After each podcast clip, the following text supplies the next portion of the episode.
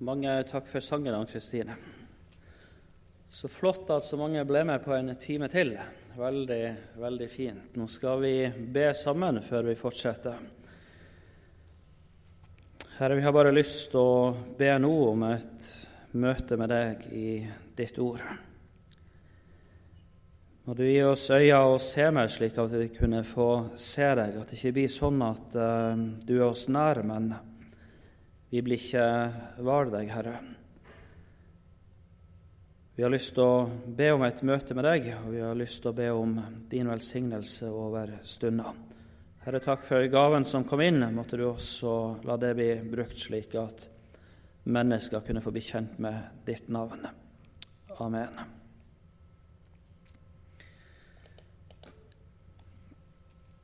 Vi skal tilbake i Salomos høysang i det første kapittelet.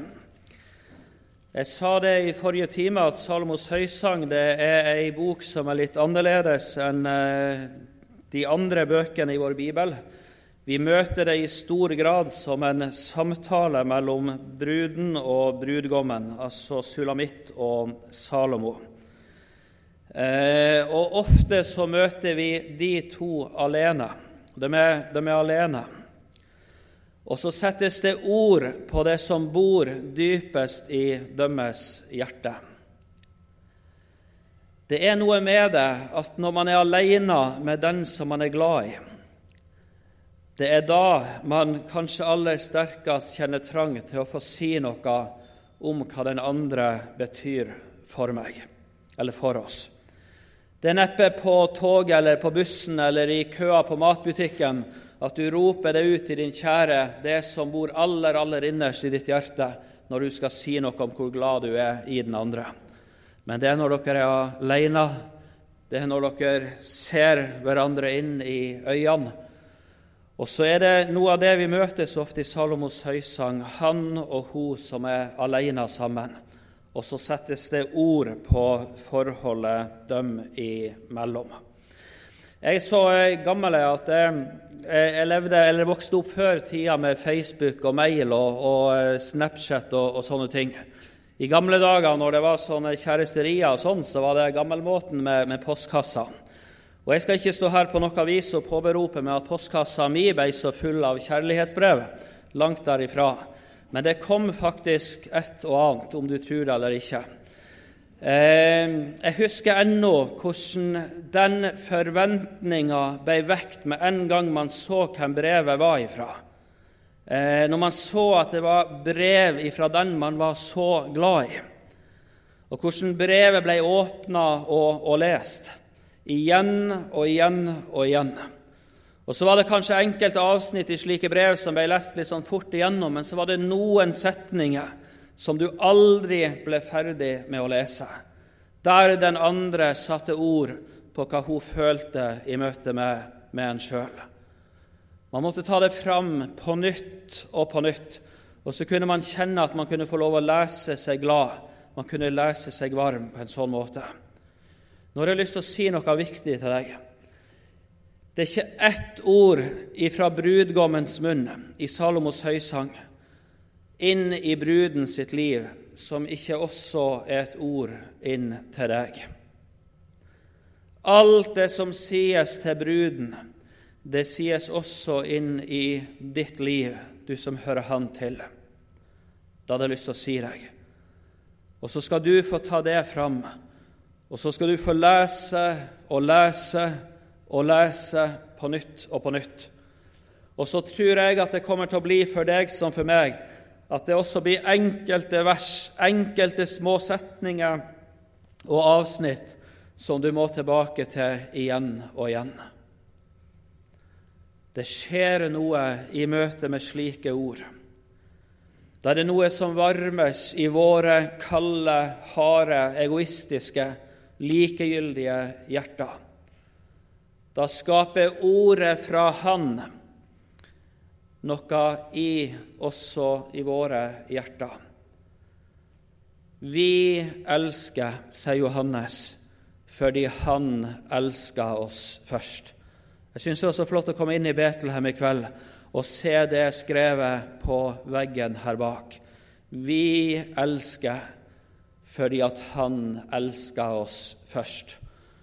Og du som hører Jesus til, var det ikke det som greip ditt hjerte en dag?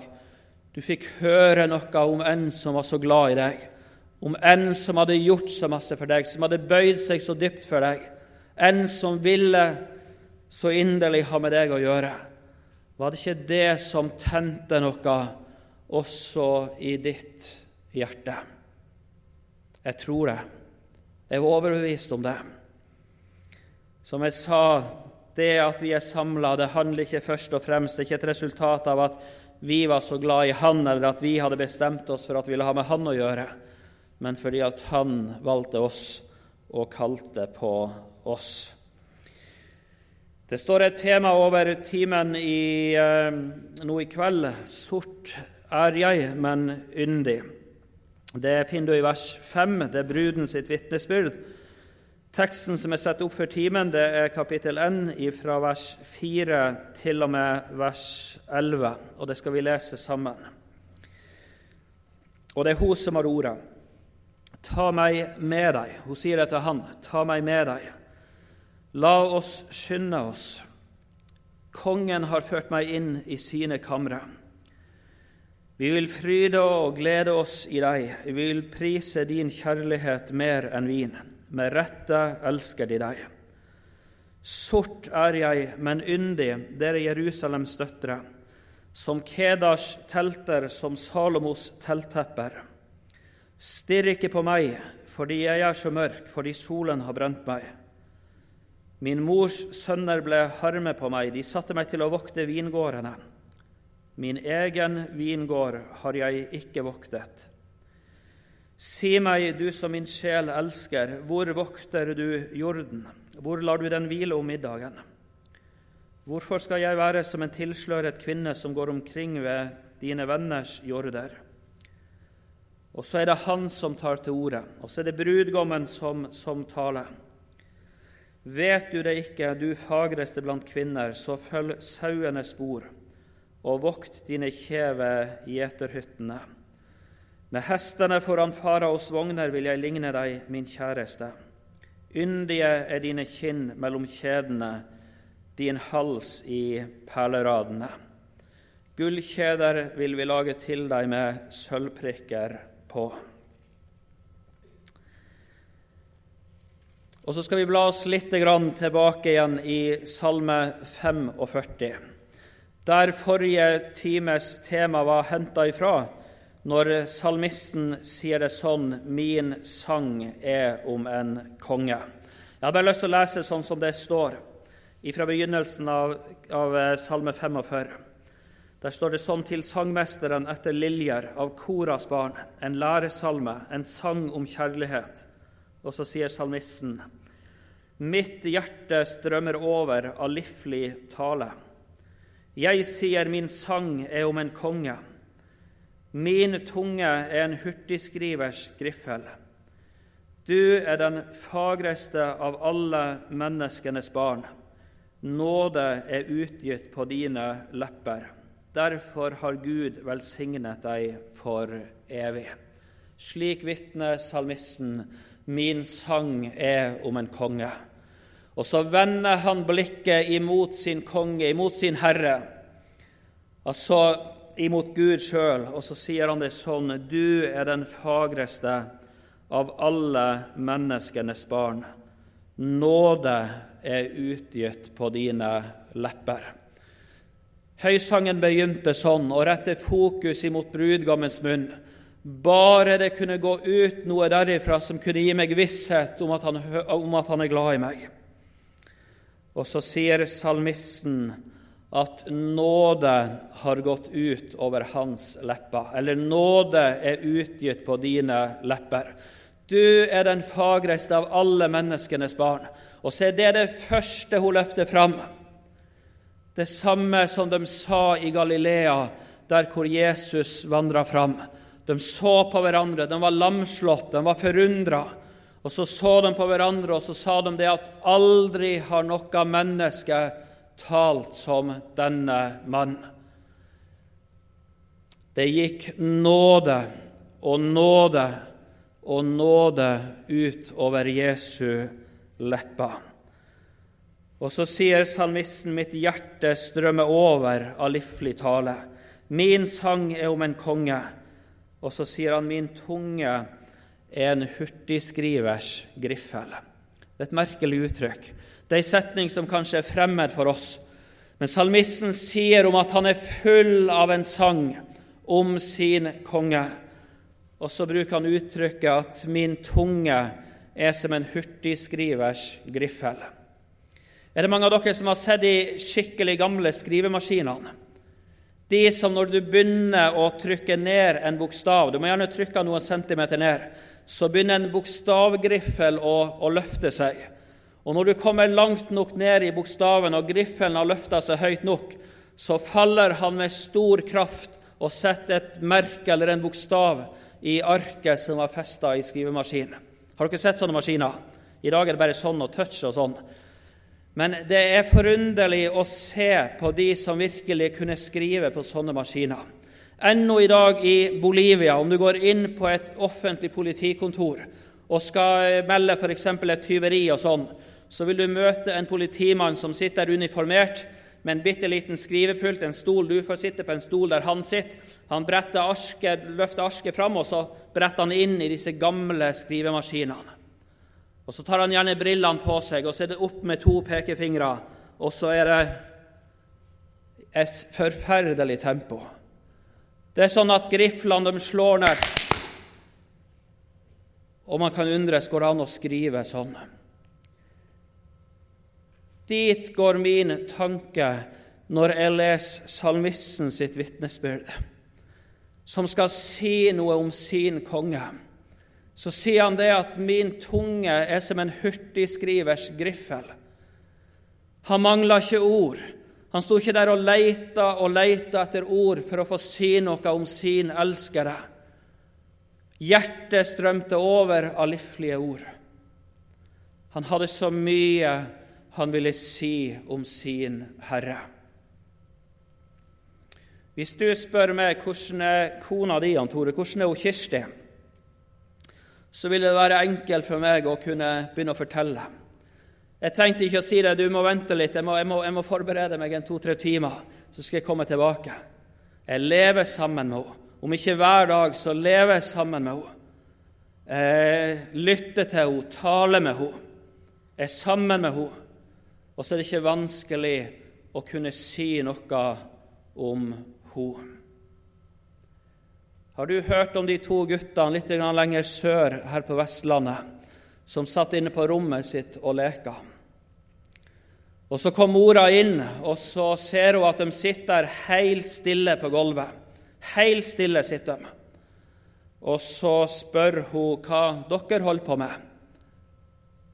Og så er den som liksom nesten ikke vil bli forstyrra, men som sier det at vi, vi leker. Leker dere, sier mora. Hva dere leker? Dere sitter jo helt stille. Så fortsetter han. Vi leker vitnemøte på bedehuset.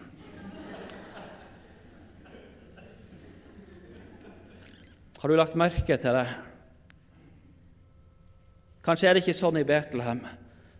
Når det blir anledning til å si noe om Jesus, da blir det så underlig stille. Og Nå må du gjerne si noe om at det er menneskefrykt. Og det er kanskje en frykt for at det, eh, hva de andre skal tenke hvis jeg sier noe. Men mon tru om det dypest sett ikke handler om det at vi så sjelden er sammen med Jesus. At vi så sjelden er alene, bare han og meg. Og så blir det så vanskelig å finne ord. Så blir det så vanskelig å si noe om Jesus. Det er noen som lever et liv i en utrolig aktiv tjeneste også for Han, men som allikevel så sjelden, sjelden får være bare alene med Han. Jeg vet ikke hvordan det er i ditt liv. Men jeg leser i Høysangen enn om hvordan det var i bruden sitt liv, i Sulamitt sitt liv. Hun står der med ei bønn i møte med sin elskede. Hun har allerede vitna om han. Hun har sagt det at navnet hans er som ei utgitt salve, at hans kjærlighet er bedre enn vin, at det er det største av alt, at det er med rette at jomfruene elsker han. Men så står hun der allikevel med ei bønn som er så kort at den klarer du å huske utenat. Og den skal du som er, få lov å gjøre til din egen bønn i livet. Hun sier det i vers 4.: Ta meg med deg. Hvis du blar tilbake i litt gamlere norske oversettelser, så møter du et uttrykk som er enda sterkere, og det er enda kortere, enda lettere å huske utenat. Jeg hadde lyst til å løfte det fram, for der ber bruden sånn Dra meg. Dra meg, sier hun. Dra meg. Det er ei underlig bønn. Men det er bønna fra den som kjenner at det er så vanskelig å følge han etter. Det er så lite lyst og så lite kraft i perioder av mitt liv til å gå i hans fotspor. Det er kanskje ikke makt til å reise seg opp til en ny dag og enda en dag skulle jeg leve i samfunnet med han. Det er utrolig fint å få møte ei brud som er så ærlig at hun går rett til sin elskende med den nøden, og så ber hun dra meg. Dra meg, o Jesus, inn i din favn, inn til ditt hjerte i glede og savn. Dra meg, o Jesus, dra meg skjønt ei, gaver jeg eier og bringer til deg. Akk, kun et syndig hjerte er mitt. Ta det, o Jesus, og gjør det til ditt. Sangene ber om det samme. Dra meg, dra meg, o Jesus. Har du sett et barn som blir dratt noen gang? Har du sett det i byen, her i sentrum i Bergen noen gang? Kanskje var det ei mor som gikk sammen med barnet sitt gjennom byen. Og så plutselig så går de forbi et utstillingsvindu der hvor gutten ser et eller annet som han blendes av, og så bråstopper gutten og så er øynene hans fanga, og så er gutten fanga.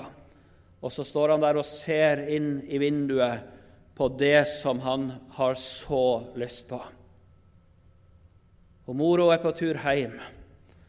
Og mor hun vil videre på veien og prøver å lokke på gutten og overtale gutten til å bli med hjem. Men gutten han står bom fast. Da må hun mor begynne å dra. Har du sett det noen gang? En mor eller en far som går med armen bak seg den veien. På andre sida så ser du guttungen som vil springe den andre veien, men som mor eller far har et godt tak i. Kanskje du hadde sett det samme om du kunne sett mitt liv sammen med Jesus som får se ting som binder meg sånn fast til denne verden, som gjør meg så opptatt av denne verden, så lite opptatt av målet. En Jesus som står og lokker og lokker og kaller til å følge Han. Det er noe utrolig trygt og godt å få lov å si det til Jesus. Jesus, nå må du dra meg. For jeg vet det at skal jeg få velge vei sjøl i livet, så kommer det til å gå galt med meg. Jeg vet det at sto det opp til meg sjøl, så vil jeg aldri finne veien til Guds himmel. Jeg går meg bort, igjen og igjen. Da er det vidunderlig godt å få gjøre bruden sin bønn i høysangen enn til sin egen daglige bønn, og si det til Han, nå må du dra meg. Dra meg, hun.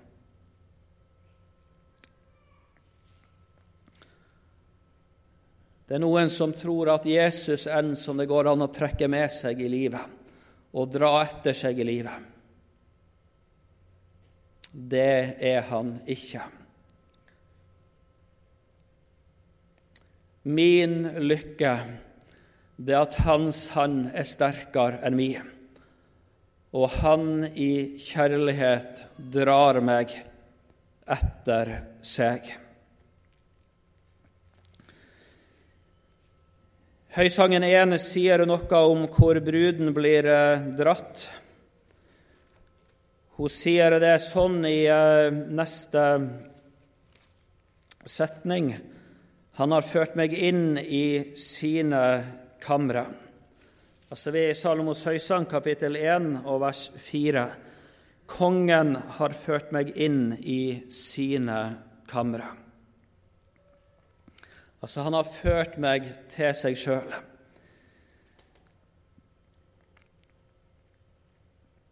Historisk sett så var kongens kammer der hvor alle kongens rikdommer var samla. Der hvor alt som trengtes til tjeneste for kongen, var samla. Der alt kongens forråd var samla. Det var i kongens kammer. I kongens kammer, det var der hvor kongen sjøl var å finne. Det var der kongen bodde. Kongens kammer, det var i slottet, om du vil. Det var ei som sier det i sin maktesløshet, i sin motstand kanskje. Så sier hun 'dra meg', og så vitner hun om at han har ført henne inn i sine kammer.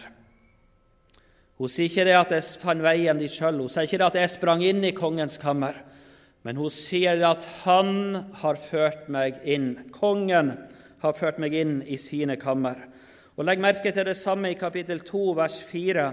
Der møter du også det samme. Han har ført meg. Han har ført meg til vinhuset, og hans banner over meg er kjærlighet. Han har ført meg. Jesus han sa noe som vi gjør verd i å legge merke til. Han sa det. Ingen kan komme til meg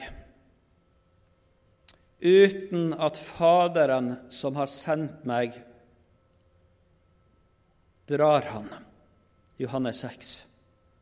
Ingen, sier Jesus, heller ikke du, kan komme til Han om ikke Faderen som har sendt han, drar på deg. I møte med et sånt ord, som sier det at det beror ikke på deg og meg, hva vi vil, hva vi bestemmer oss for, men det beror på Han, da fødes bønna også i våre liv. Dra meg, dra meg. Og så veit jeg at Han drar meg dit jeg trenger å komme. Det var ei dronning som hørte gjetordet om Salomo. Det var ei dronning som hørte gjetordet om Salomos kammer, om alle hans rikdommer. Det var ei dronning som bodde langt borte. Hun regjerte i et område som ble kalt for Saba. Hun pakker dyrene sine fulle av gaver, og så begir hun seg på vandring imot Salomo for å se om det virkelig er sant, det som hun hadde hørt om han. Det leser vi om i første kongebok, kapittel 10. Eh, og så kommer dronningen av Saba fram. Og så får hun se, og så får hun bli tatt med inn i kongens kammer. Og så makter hun knapt å tro at det er sant, det som hun ser. Hun sier det sånn i, eh, i første kongebok, kapittel 10, og vers, eh, og vers 5. Eh, Der står det hun ble rent ute av seg selv av forundring. Det var ei som var vant til å gå og vasse i rikdom. Det. Hun var dronning. Hun Hun hadde sine skattkammer. Men i møte med Salomos kammer der ble hun rent ute av seg av forundring. Og Hun sa til kongen, så var det da sant det hørte hjemme i mitt land om deg og din visdom. Jeg trodde ikke det de fortalte, før jeg kom og fikk se det med egne øyne. Men nå ser jeg at de ikke har fortalt meg halvparten. I visdom og lykke er du ennå større enn det gjetordet jeg har hørt. Og så sier hun, Lykkelig, sier hun. Lykkelige er dine menn, og lykkelige er disse tjenerne dine, som alltid står for ditt åsyn og hører din visdom. For en plass, tenker dronningen av Sava. Tenk for en lykke det måtte ha vært å få levd livet sitt der, dag etter dag, alltid stå for kong Salomos øyne og få høre hans ord. Lykkelig er dine tjenere, som alltid står for ditt åsyn.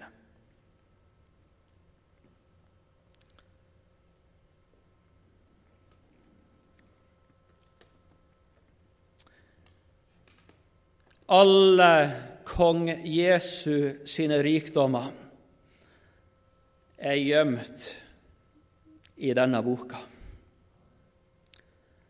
Alt han eier, er gitt oss i denne boka. Her har han lovt å møte oss. Kongens kammer, det er den bibel som vi er blitt gitt av Hans godhet.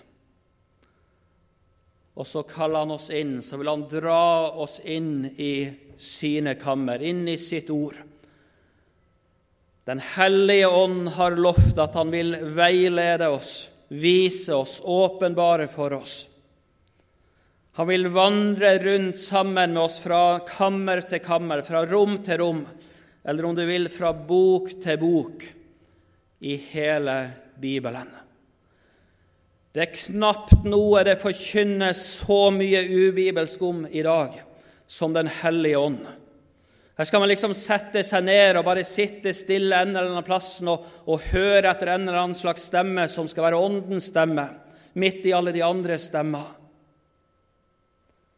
Den hellige ånd, han har sagt hvor han ville møte oss. Jesus har sagt hvor han vil møte oss. Det vil han gjøre i sitt ord. Den hellige ånd peker alltid på ordet, alltid på ordet. Den hellige ånd vet hvor Jesu herlighet er å møte, er å se. Det er i Ordet. Og så vil Han dra oss inn i sitt ord. Det står om en Josva i Det gamle testamentet som alltid levde der inne i helligdommen, der Gud hadde satt stevne med sitt folk. Hvor ofte er du der? Hvor mye tid bruker du der? Der blir bruden tatt med. Og så er det iblant sånn at mellom to setninger i Bibelen så kan det være år. Vi kan lese historier så fort, men det kan være år mellom ett punktum og neste punktum. Vi møter ei brud som kommer ut ifra, ifra kongens kammer. Det er neppe sånn at der har hun vært et lite femminutt eller et lite kvarter. Men det er ei som har vært der inne, det er ei som har sett noe der, det er ei som har blitt overvelda av noe der. Det skjønner vi ut ifra sammenhengen. Det er ei som kommer ut ifra kongens kammer, og så vitner hun til oss. Og vi skal ta med oss hennes vitnesbyrd hun sier det sånn vi vil fryde og glede oss i deg. Vi vil prise din kjærlighet mer enn vin. Med rette elsker de deg. Legg merke til hva hun er opptatt av. Hva hun er opptatt av når hun kommer ut fra kongens kammer. Da er hun bare opptatt av han. Det er det han hun har trang til å si noe om. Det er det Hans kjærlighet hun vil løfte fram. Stirr ikke på meg, sier hun, men se på Han. Hans kjærlighet, hans liv. Det møter vi mange ganger utover i Salomos høysang. Der inne ble hun så opptatt av sin konge, sin brudgom. Og så kommer hun ut, og så strømmer hennes hjerte over av liflige ord om sin konge. Og Så gis det anledning for oss iblant å få si noe om han. Og så blir det sånn at to guttunger lenger sør går hjem og sitter bom stille. De skal leke vitnemøte på bedehuset. Legg merke til hva bruden sier, hva Sulamitt sier. Vi vil glede oss, vi vil fryde oss i deg, sier hun. All hennes glede, hennes jubel, er knytta til Han. Det finnes noen som bærer på en kristen bekjennelse, men som, som omtrent må lengst mulig bort ifra Jesus for å ha det kjekt. Må nesten ut av den kristne forsamling og bort ifra sin bibel for å virkelig kunne leve. Du møter det motsatte i Salomos høysang. Du møter ei som ikke kan komme nær nok han, ei som ikke kan få være nok sammen med han. Jeg har lyst til å si det. Er det sånn for deg at det å åpne en bibel og gå på et møte er en tung plikt, en byrde du bærer? Men når du virkelig er ute i denne verden, på fest og i, i, i alt mulig, da har du det virkelig bra. Da har jeg lyst til å si hvor fattig du sitter.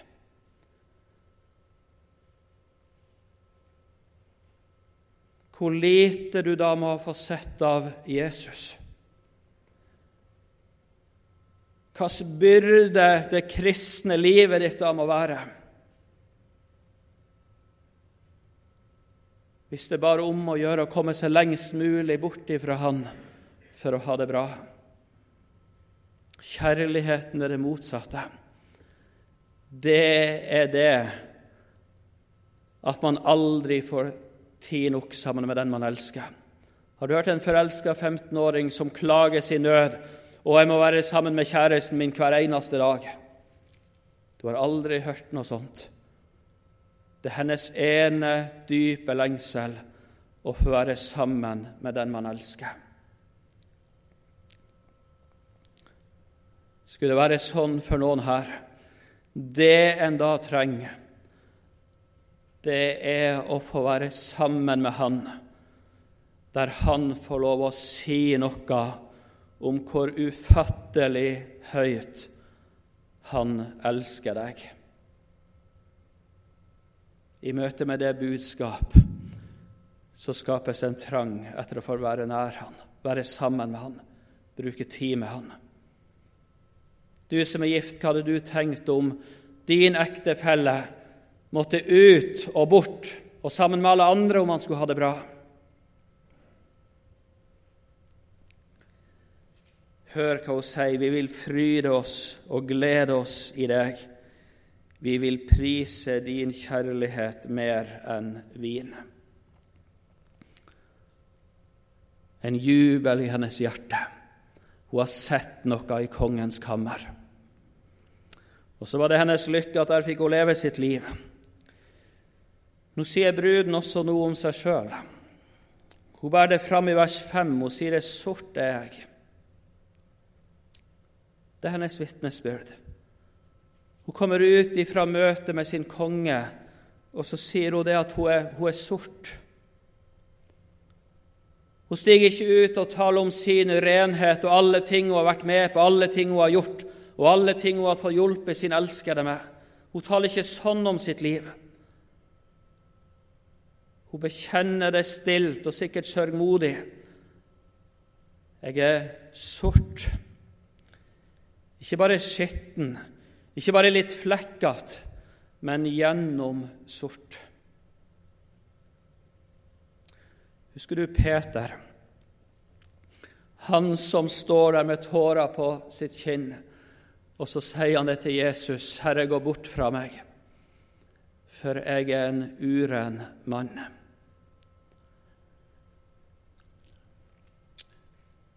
Den bekjennelsen eller den bønna var ikke skapt i møte med en eller annen slags tordentale eller svovelpreken. Men den bønna og den erkjennelsen, den var skapt der han har fått lov å være sammen med Jesus. Hørt Jesu ord, sett hvordan Jesus var, sett hvordan Jesus møtte mennesker, sett hvordan Jesus levde. Og så blir han var sitt eget liv. Hvor utrolig annerledes han var enn Jesus var. Og så er det noe som roper inn, du Peter, du passer ikke sammen med Jesus, du.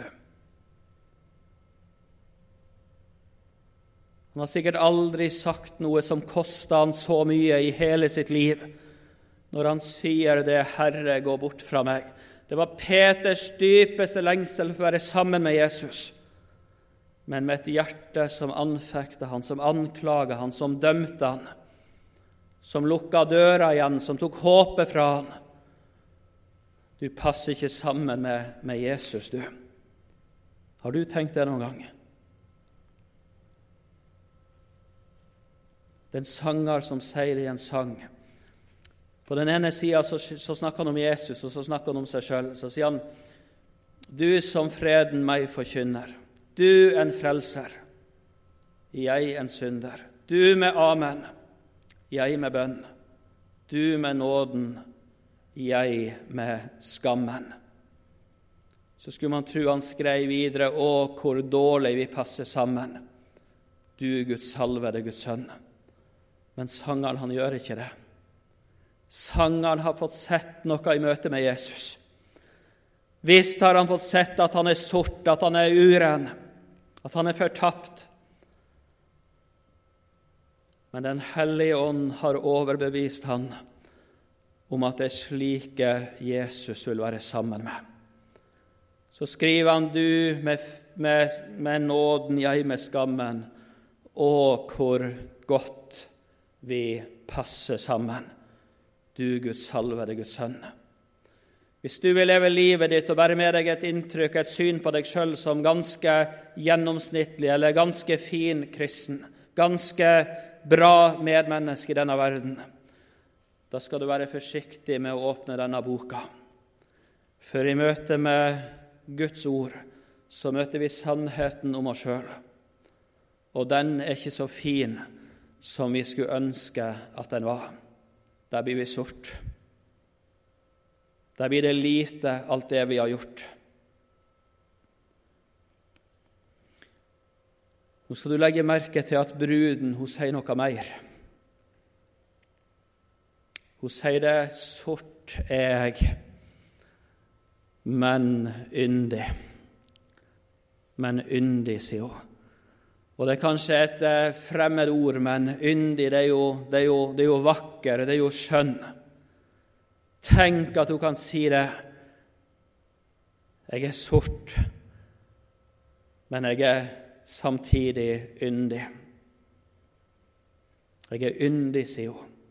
Det er ingen frelse i å se hvor sort man er. Det er ingen hjelp i livet å se hvor syk du er. Hjelpa, den er i møte med legemiddelet og i møte med legen.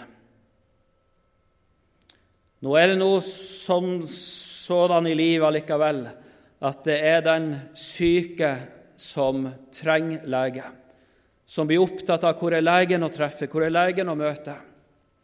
Men jeg har lyst til å si deg det er ingen frelse i å se hvor sort du er.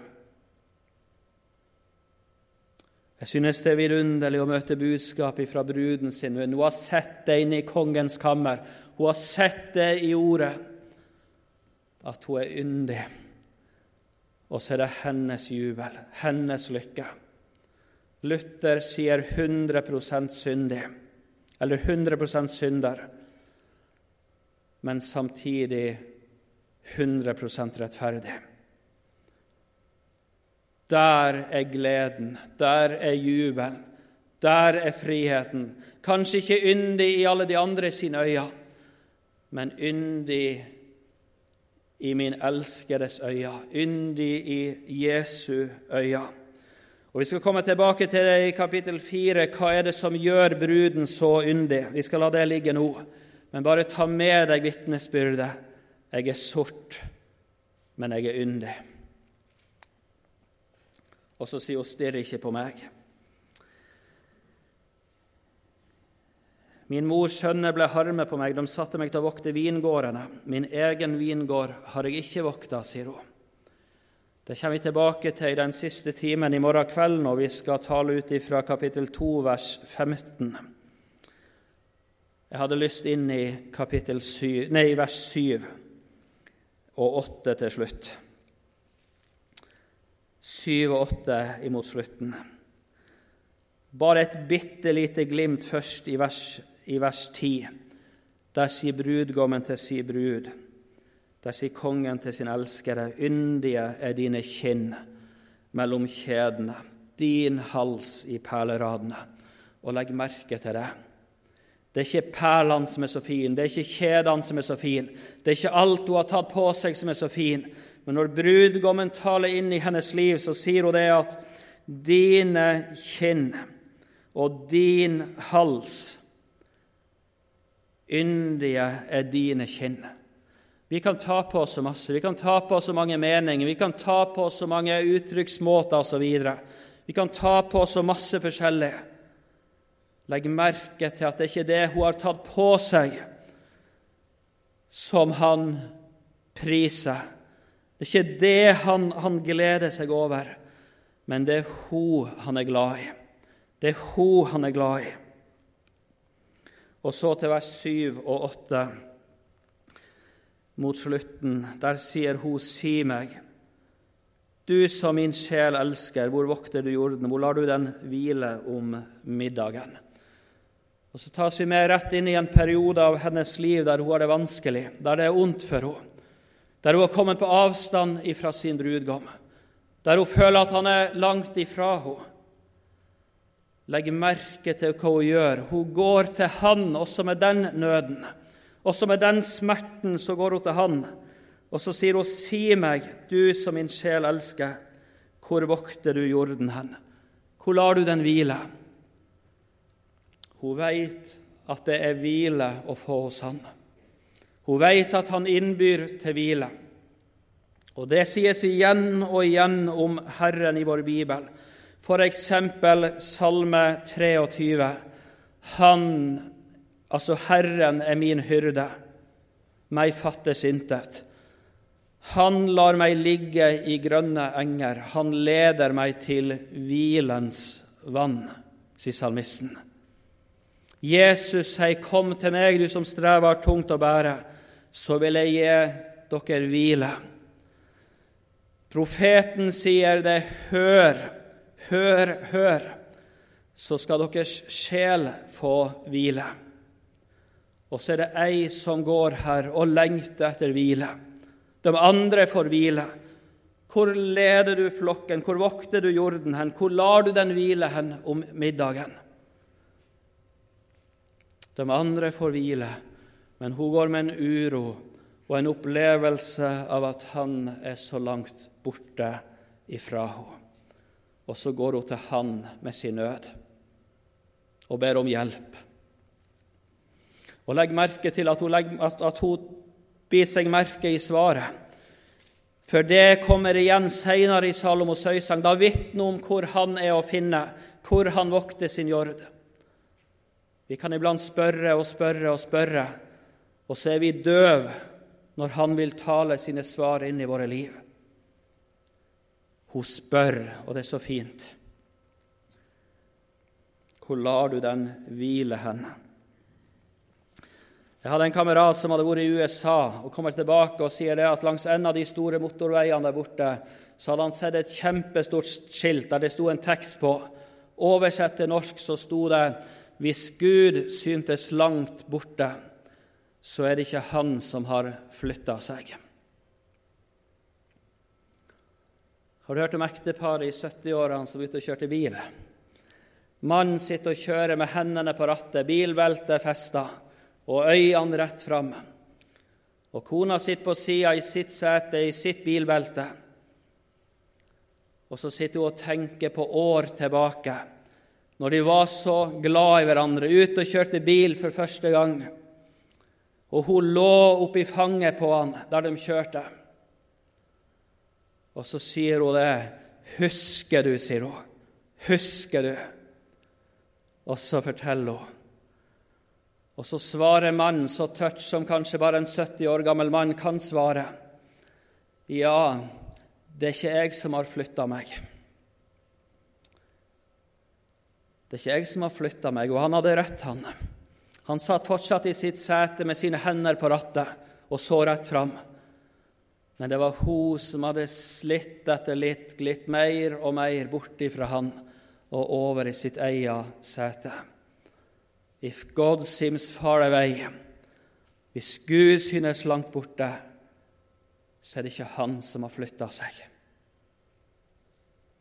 Det er ei brud som må møte han igjen, og så spør hun hvor er du Og så gis det to svar. Det gis to svar. Det er to ting som han vil at du skal bli opptatt av, du som syns han er langt borte ifra deg. Det leste du i vers 8. Du skal følge i sauene sine spor. Og så skal du bli opptatt av gjeterhyttene. Sauene eller jorden eller flokken det er jo et bilde som Bibelen igjen og igjen bruker på, på, eh, på, den, eh, altså på Jesu venner, altså på den troende forsamling, de som hører Han til. Når livet blir vanskelig, når vi synes at Gud er så langt borte, da ligger det oss så nær å trekke oss unna og sitte hjemme og holde oss borte ifra de hellige samfunn. Og så kan troa så fort bli en privatsak, og så blir det meg og mitt, og så blir det lønnkammeret, og det er utrolig verdifullt. Men samtidig så ligger løftene om der Gud vil møte deg, det ligger der hvor to og tre er sammen i Hans navn. Det ligger i de hellige samfunnet. Vi møter ei brud som leiter og leiter utover i Salomos høysang. Der, altså Hun vet hvor han er å finne, det, det, det, det ser vi senere. Men allikevel i etterkant så leter hun andre plasser etter han. Hun leter på sitt eget leie, og hun leter inne i byen, i larmen blant alle de andre. Hun leter ikke mellom liljene der hun vet at han går.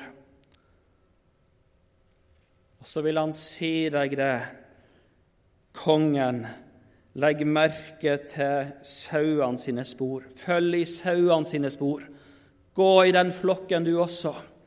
Der vil han åpenbare seg. Der vil han vise seg. Og så til slutt, vokt dine kjeve gjeterhyttene. Og så pekes det mot noen gjeterhytter. Og det er fremmed fra vårt språk. Vi bruker kanskje ikke det, vi kjenner gjerne ikke det i vårt land. Jeg vet ikke. Men jeg bodde i Sør-Amerika, og der visste i alle fall folk hva ei gjeterhytte var. Det visste de små ungene. Ikke minst så møtte du det ute på landsbygda oppe i Andesfjellene. Gjeterhytter som var gjort i stand.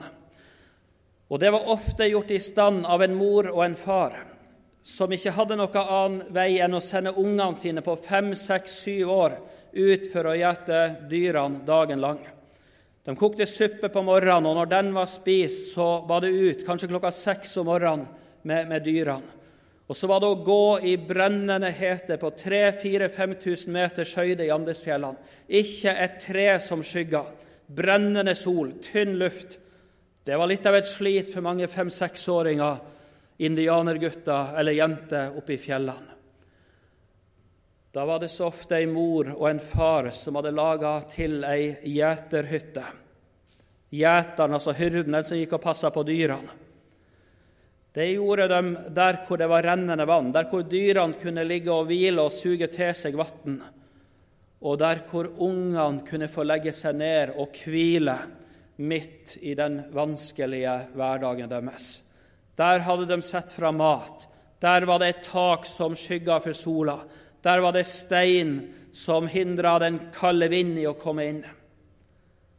De hadde laga et hvilested for sine unger. Gjeterhytta, det var hvilestedet. Husker du Gud når han sier det til folket gjennom profeten Jeremia, de som fer hit og dit og har det så travelt, så sier han det at de har glemt sitt hvilested. De har glemt sitt hvilested. Dypest sett så finnes det bare ett hvilested som Bibelen peker på. Det er Akors dal, og det er som den dalen var et forbilde på. Akorsdal, det var dalen der den ene måtte bøte med livet, og alle de andre fikk gå fri. Den ene måtte bøte med livet, og når hans liv var gitt, da vendte Guds brennende vrede seg bort ifra folket, og så kunne han igjen omfavne dem og leve sammen med dem. Akorsdal skal bli til ei håpets dør, og Akorsdal det skal bli et hvilested, står det. Akorsdal det peker fram imot det kors der han ble hengt, kongen sjøl, der han ble tatt livet av for at all Guds vrede skulle stilnes, dempes der. Og Bibelen forkynner det at der drepte han fiendskapet. Der gjorde han fred. Det er hvilestedet. Det er ved korsets fot hos Jesus. Korset er min hvilestad, står det i en sang. Du som opplever at han er langt borte, følg i sauene sine spor og bli opptatt av hvilestedet, av gjeterhytta. Herre, må du stelle slik med oss at vi får leve sammen med deg. Dra oss til deg, Herre, og vis oss din herlighet, slik at vår største rikdom det får være det å få være sammen med deg dag etter dag i vårt liv. Amen.